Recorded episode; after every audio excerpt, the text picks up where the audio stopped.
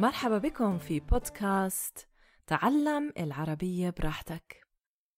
أنا اسمي عايدة وعم بعمل هذا البودكاست لإلكم حتى أساعدكم إنكم تستمعوا لمواد أصلية باللغة العربية العامية.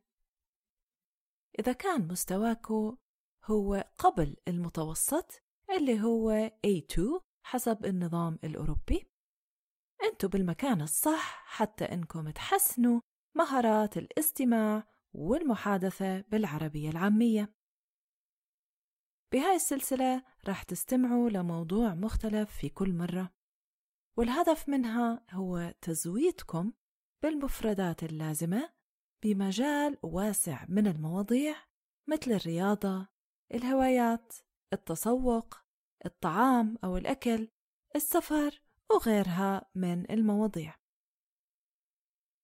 اليوم رح نحكي عن الهوايات والأسئلة اللي رح أناقشها هي ليش الناس بيحتاجوا هوايات؟ شو أكتر الهوايات المحبوبة أو المعروفة؟ هل كل الناس عندهم هواية؟ الهوايات هي نشاطات إحنا بنحب نعملها بوقت الفراغ تبعنا الهواية هي إشي بنختار إنه نعمله ومش بنضطر نعمله. ولازم يكون إشي ممتع ومسلي. يمكن الهواية اللي بنختارها مرتبطة بمواهبنا أو بجوز بقدراتنا الفنية والجسدية. الناس الرياضيين عادة بيختاروا هواية في مجال الرياضة مثل كرة القدم كرة السلة السباحة أو الجمباز. وغيرهم من الناس اللي بجوز مش كثير رياضيين بس بحبوا الموسيقى. ممكن يتعلموا كيف يعزفوا على آلة موسيقية. من أكثر الآلات الموسيقية اللي بحبوا الناس يتعلموها الجيتار البيانو الكمان والطبلات.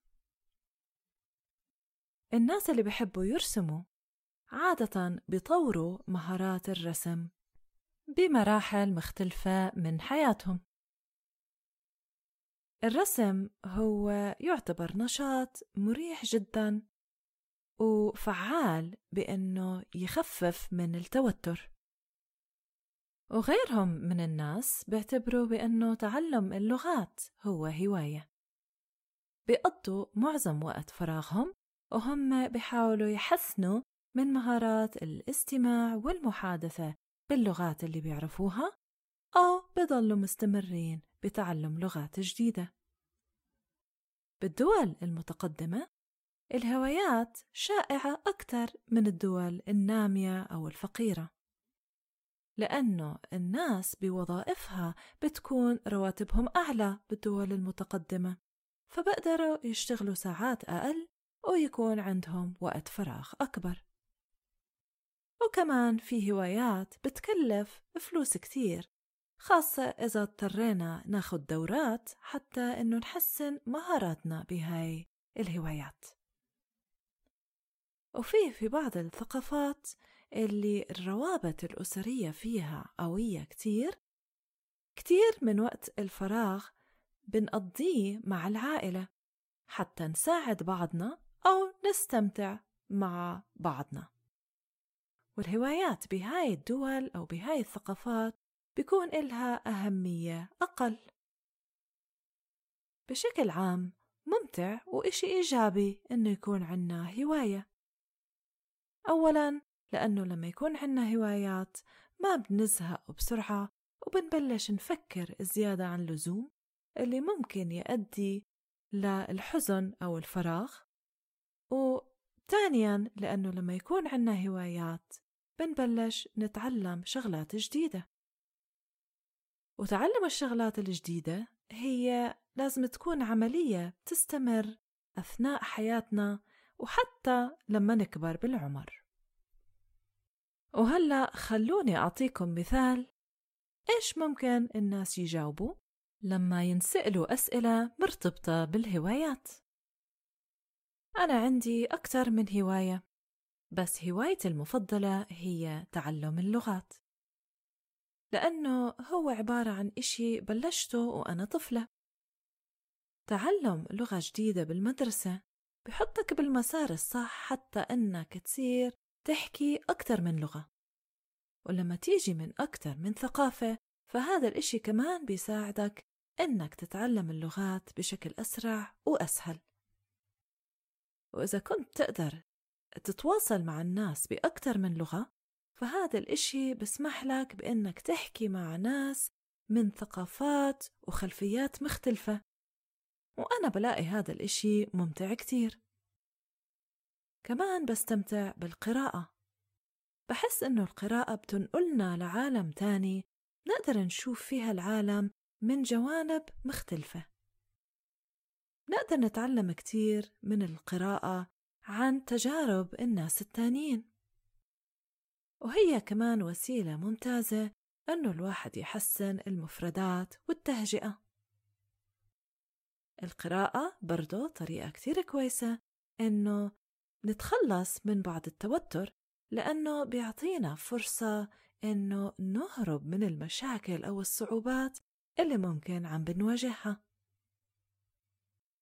الاستماع للموسيقى والرقص. كمان بديل كويس كتير للرياضة إذا كنت أنت شخص مش رياضي. وكمان ممتع كتير ومسلي أنك ترقص مع الناس التانيين اللي بيعشقوا الموسيقى. لأنه الموسيقى هو الإشي اللي بيخلي أي حفلة ممتعة أكتر ومسلية أكتر. أنا شخصيا بفضل إني أتعلم اللغات الصبح بينما بفضل إني أقرأ المساء طبعا أسهل إنك تمارس هواياتك لما تكون أصغر بالعمر وما عندك مسؤوليات عائلية. لما يكون عندك أطفال بتصير تعطي أولوية لأمور تانية بالحياة. وبعض الناس اللي عندهم أطفال ممكن يتخلوا عن هواياتهم تماما بهاي المرحلة من حياتهم لكن برجعوا لها بوقت متأخر بحياتهم. وهيك إحنا بنكون وصلنا نهاية حلقتنا لليوم من تعلم العربية براحتك وموضوعنا اليوم كان عن الهوايات. بتمنى أنكم تكونوا تعلمتوا بعض المصطلحات الجديدة والمفردات الجديدة. ما تنسوا أنه تتركوا لي لايك وتشتركوا بهذا البودكاست.